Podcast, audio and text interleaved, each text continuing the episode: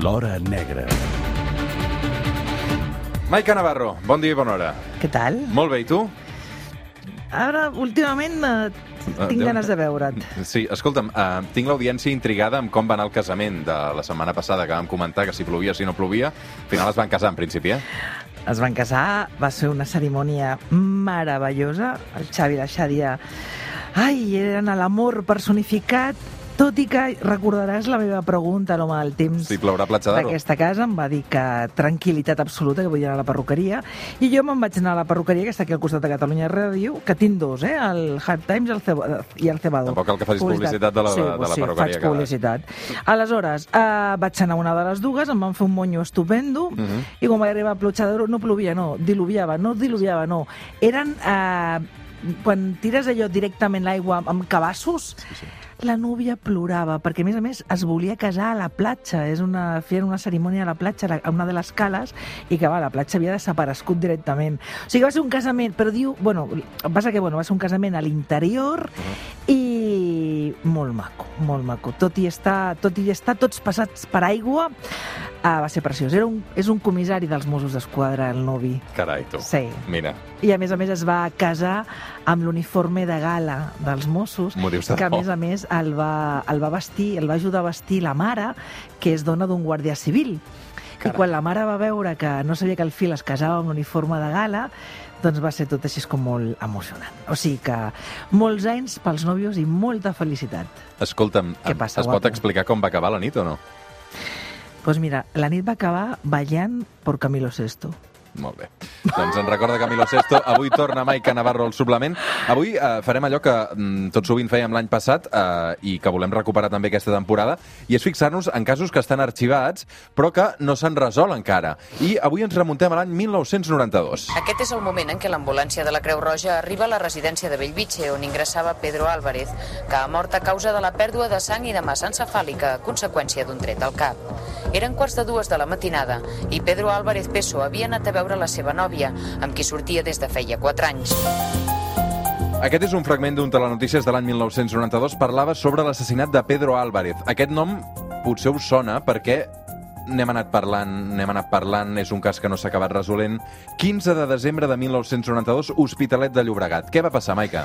Doncs va passar que, que el Pedro havia anat a veure la Yolanda, perquè a més a més havien sopat aquell, aquell vespre, la Yolanda només tenia 19 anys, perquè celebraven que portaven 4 anys junts. El Pedro vivia amb la seva família a la Verneda i la Yolanda amb la seva família a l'Hospitalet, concretament a l'Avinguda de, de Catalunya. Doncs bé, en el moment d'acomiadar-se, deixa la, la Yolanda, s'acomiaden en, el, en una cantonada, la Yolanda ha de creuar per un pas de vianants per arribar a la, al portal de casa seva i en aquell moment eh, arriba un, un cotxe amb una gran, gran velocitat que gairebé atropella a la Yolanda. Això va provocar doncs, la reacció airada de la, de la noia, i, però, i el cotxe, en comptes de continuar la marxa, va frenar i va baixar i va començar una discussió, fins i tot a l'home, el conductor, va empantar la, a la Yolanda, fa un cop amb molta brusquetat. I aleshores el Pedro que va fer? Doncs va, va acostar cap a aquella escena i en el moment de recriminar al conductor tot allò que estava passant, l'home va treure una pistola i va disparar directament al cap del Pedro. Tres trets. Tres trets, un, un li va donar directament al... Un, un, un li va destrossar el, el cervell, eh, però fins i tot ell va, va poder arribar viu a l'hospital de Bellvitge on no es va poder fer res per la, la seva vida. I aquí va començar un autèntic calvari per la família del Pedro Álvarez. Anem als fets encara perquè tinc moltes preguntes. Aquest conductor que gairebé atropella aquesta parella, s'atura i dispara tres trets, eh, anava sol? En principi, com mai hi ha hagut un judici sobre aquest cas, mai hem tingut la certesa absoluta de amb qui anava aquest conductor, però diferents testimonis asseguren que l'home no anava sol, que el pistoler anava acompanyat d'una dona, una dona de la que mai s'ha arribat a donar la identitat, però que alguns testimonis asseguren que se li va escoltar dir no ho facis, no ho facis. Hi havia testimonis, eh? Hi havia testimonis allà, hi havia testimonis que van veure aquest home o van assenyalar la, un home amb de les mateixes característiques, amb un vehicle igual, idèntic, amb l'hospital precisament de Belvitge, on aquest home, una estona abans, i que per temps era perfecte arribar quan se'l veu sortir de l'hospital de Belvitge, havia anat a, a visitar a la seva mare que estava ingressada a l'hospital de Belvitge. Un home que ja a l'hospital, el vigilant de seguretat va assegurar en el seu moment que era un home que, està molt, que, port, bueno, molt, que estava molt irritat, amb molt mal caràcter, i casualment el vehicle que portava era el mateix vehicle que sabia que, bueno, que, que, del que havia sortit l'home que havia disparat els tres trets contra el Pedro. Pedro Álvarez, de 20 anys, assassinat en ple carrer amb tres trets acompanyat de la seva parella, d'un cotxe que passa molt a prop, s'atura, discuteixen, tres trets. Al cap de poques hores passa això. Aquest matí, per tercera vegada des que el van detenir dimecres passat, ha estat declarant el jutjat d'instrucció número 5 de l'Hospitalet de Llobregat el policia de l'escola bàsica, considerat presumpte autor de la mort del jove de 20 anys, Pedro Álvarez Peso, dimarts passat. És a dir, al cap de molt poques hores, l'endemà de l'assassinat, detenen un home, un agent de la Policia Nacional. Sí, era un, un agent de, seguretat, de la Brigada de Seguretat Ciutadana, un policia, de, un policia nacional que estava destinat a, a Barcelona, José Manuel, eh, que tenia un, precisament un Opel Vectra de color blanc amb un aleró al darrere que era el mateixa descripció que en el moment que va poder recordar, un poc va superar el xoc, doncs va poder declarar la nòvia de, de del Pedro. Uh, què va passar? Doncs aquest home des del primer moment va negar uh, ser l'autor d'aquest crim. Sí que va haver de reconèixer, no va, ter, no va tenir més remés que reconèixer que era l'home que el vigilant de seguretat de l'Hospital de Belvitge havia, havia vist sortir uns minuts abans de, de l'hospital i a més a més amb aquestes males maneres i també havia, va haver de reconèixer que molt a prop d'aquesta avinguda de la de Catalunya on s'havia produït el crim de, del Pedro, ell tenia un compartia o era soci d'una assessoria jurídica. Per tant, era un recorregut possible que pogués passar per allà. I a més a més, per temps, eh, quadrava perfectament abandonar l'hospital a l'hora que l'havien vist sortir de veure la seva mare i assassinar. Però ell va assegurar que no, que ell en aquell moment estava allà, dormia a casa. I a més a més va, va Tenia mostrar... Coartada. Bueno, ell va dir aquesta coartada, però insisteixo... Estava com, sol a casa? Estava amb la seva... No em vull aquí...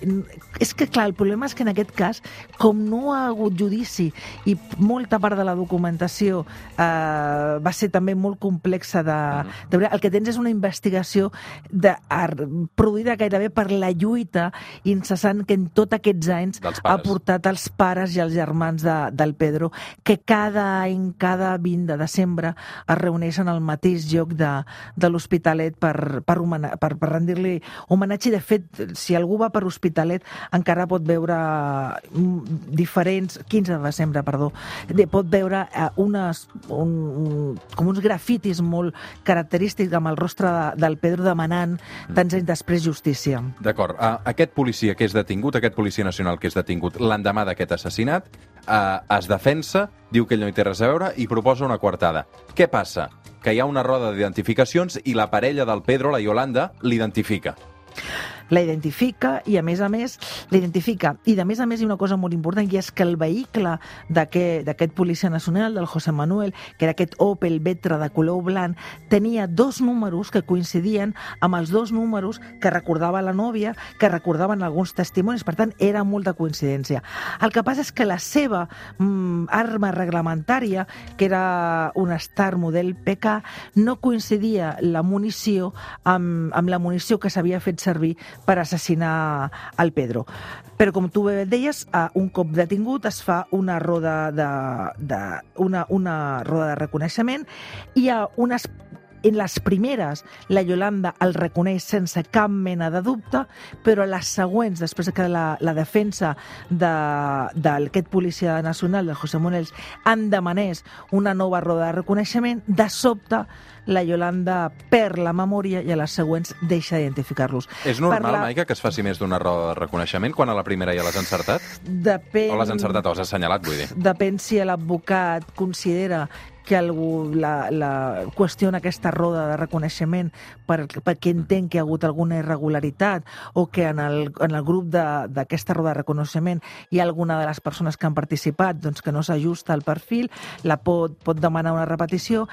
La família sempre ha considerat que el que va passar és que la Yolanda, com altres, mem com altres persones vinculades a aquesta investigació, va començar en aquest moment una, tot un seguit de pressions, uh -huh. amenaces que han durat eh, gairebé fins al dia d'avui.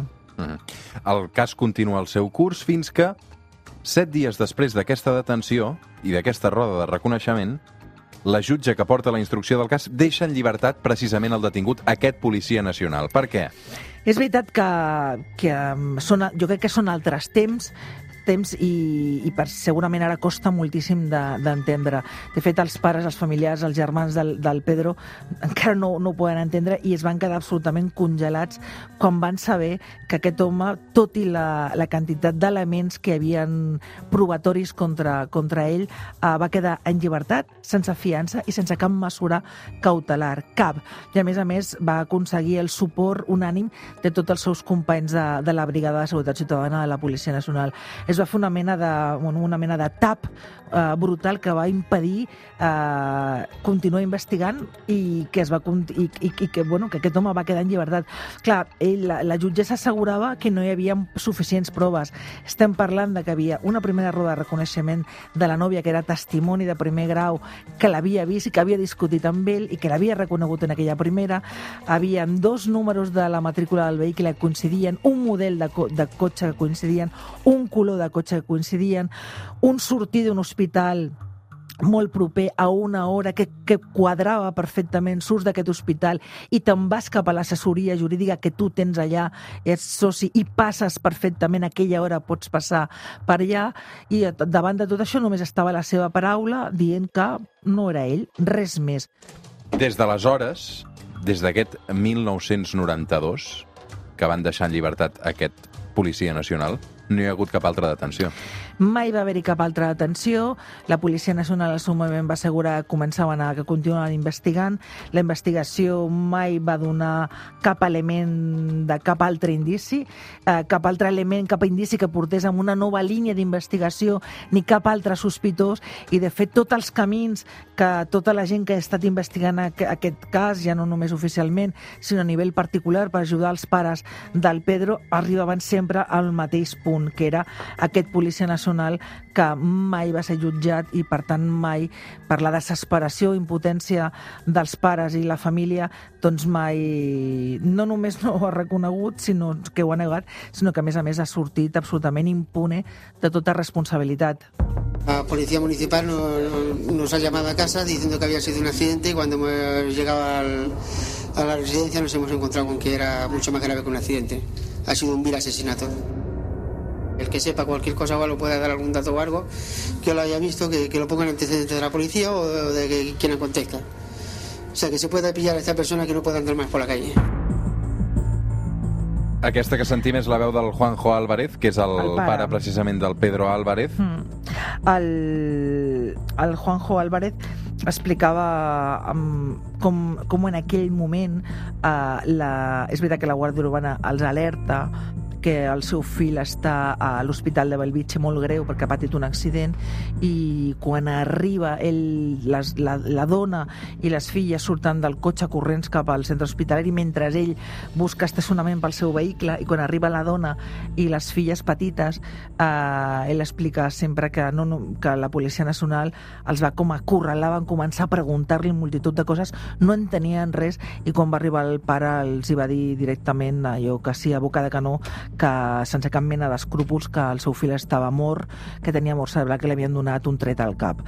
Allò va ser la primera de les, dels grans... Mm, bueno, de, de, de, de, dels dels cops en el cor directament que ha hagut de suportar aquesta família, que aquell mateix dia, precisament, quan els alerta la Guàrdia Urbana que el seu fill està molt greu, ell condueix embogit des de la Verneda fins a l'Hospital de Belvitge, després li va arribar a casa una sanció de tràfic de, que, eren 30.000 pessetes de l'època, que per una família treballadora els hi va trasbalsar tota, tota l'economia. Després d'això, fixa't que no acabaria les seves, les seves desgràcies, perquè aquest policia nacional assenyalat per sempre per, per aquesta família els va denunciar eh, els va denunciar a la família del Pedro, el Pedro i el pare del Pedro i, i l'advocat de la família per col·laborar amb banda armada. Per què? Perquè aquest policia va saber que en una de les, de les incautacions que va fer les forces de seguretat de l'Estat contra algun dels, dels escamots, dels comandos d'ETA desarticulats a, aquí a, a Catalunya, havia aparegut el seu nom en un llistat d'objectius, però un d'aquests llistats amb els que treballava ETA, que potser tenia 100, 200 noms, o sigui, era un nom sense res més, sense cap detall més. Ell va entendre que, aquell, que el, seu, el policia aquest va entendre que el seu nom apareixia en aquest llistat per culpa d'aquestes acusacions de la família de, del Pedro i els va denunciar per col·laboració amb, amb banda armada.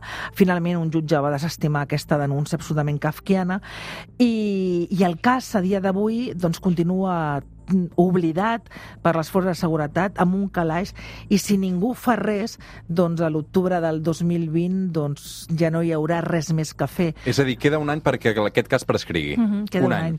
I fixa que les vegades que s'ha aconseguit reobrir, la última va ser perquè el pare de, del Pedro, el Juanjo, va estar acampat en una tenda de campanya durant 20 dies davant de la ciutat de la justícia demanant, suplicant als magistrats que per favor es tornés a reobrir aconseguir el cas. No es va aconseguir absolutament res, això va ser...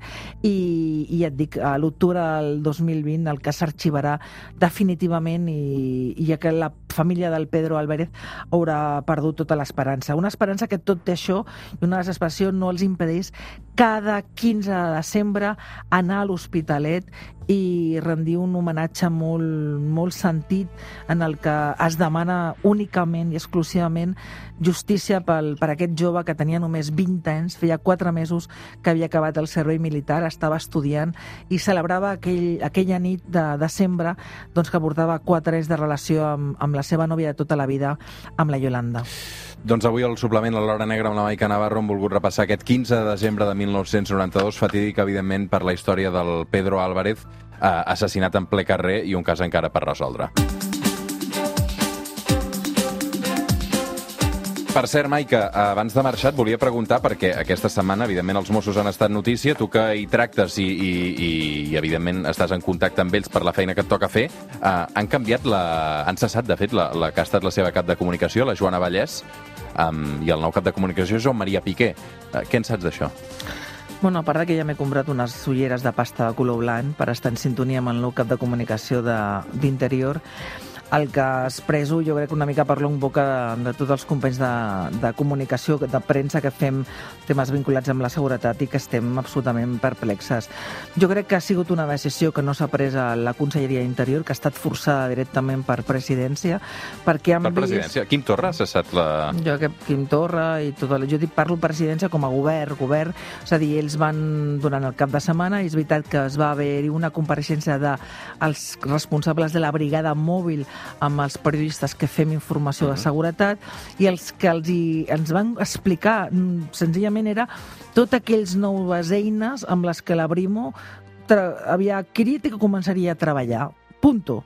Ja està. És I això allò... es va anar fent gran, gran, gran. Bueno, I el que passa és que tot allò es va fer una interpretació que al final va ser, ostres, tot això és el que com, els Mossos però tindrem... tenen preparats per reaccionar no, tenim, a la sentència. Sen, clar, clar, però aquesta interpretació la van fer els periodistes. Sí. I aquí la, però, escolta'm, no és la... una interpretació gaire perversa, no, no, aquesta, no, no, no, no. O sigui, és a dir, eh, ja portem molt de temps, i això ho han dit els responsables polítics de la conselleria, de manera que tindrem un, una tardor calenta, una tardor calenta, i a més a més se sap, hi ha una evidència de que hi haurà mobilitzacions, eh, o sigui, aquest país respondrà davant de la més que probable sentència desfavorable als presos.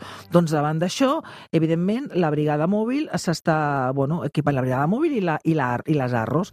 I senzillament el que es deia era, s'ha comprat tot això. La pregunta és, s'ha comprat tot això de cara a aquestes manifestacions de transcendència? No, era material que feia temps que s'estava provant i era material que coincideix que ara doncs, tindran més... Però, és a dir, si demà els, mm, els treballadors d'Ibèria muntessin unes barricades i la liessin parda i hagués d'actuar la Brimo, es faria servir això. El que passa que era molt fàcil fer la, era molt, molt fàcil fer la, la, la regla de tres, uh -huh. compro tot això i què és el més proper que tinc? Doncs les mobilitzacions de cara a la sentència. Per tant, equació perfecta. Mossos es prepara contra els manifestants, tal. I, clar, tota aquesta equació que jo dic perfecta però que és lògica, a Palau va treure allò de, de, de Polleguera més d'un i va dir que això era, era un, bueno, era, era, bueno, si, si políticament es considera que allò va ser un error, que jo no ho crec, eh? o sigui, Maica Navarro, periodista de l'Anguardia, no crec que fos un error, però jo prefereixo Comunicar, saber... explicar tot sí, això. Perquè jo prefereixo saber que a partir d'ara la brigada mòbil pot actuar amb gas pebre, amb, unes, bla- amb una llum especial, amb unes valles... O sigui, jo crec que la ciutadania, més, ho ha de saber, el manifest, ho ha de saber. Jo crec que això és transparència, i estem en una època que ens omplim de boca que dir que tenim una policia, policia que és transparent. Hòstia, doncs sem transparent en tots. Ara, si tu has arribat a la conclusió de que no era el moment i que políticament la, la, la frase és perversa, assumeix políticament l'error. Per què en aquest país ningú políticament assumeix les seves cagades? No matis a la, a la treballadora que ha fet la seva punyetera feina. I Joana Vallès, eh, a més a més, és una històrica en la comunicació d'aquest país. I que, a més a més, crec ser- que té el reconeixement eh, de la feina que fa per part de Tothom. tot el sector periodístic Tothom. i va haver unanimitat també. Tothom, però no només d'això. Pregunta a qualsevol responsable de comunicació de govern, d'altres conselleries. Pregunta a conseller. Jo crec que estic convençut que li preguntes al Buc i jo estic convençut que al conseller Buc mm, li van demanar un cap i, escolta'm, eh, un cap, una, doncs cap, cap, doncs vinga, va, el de la Joana.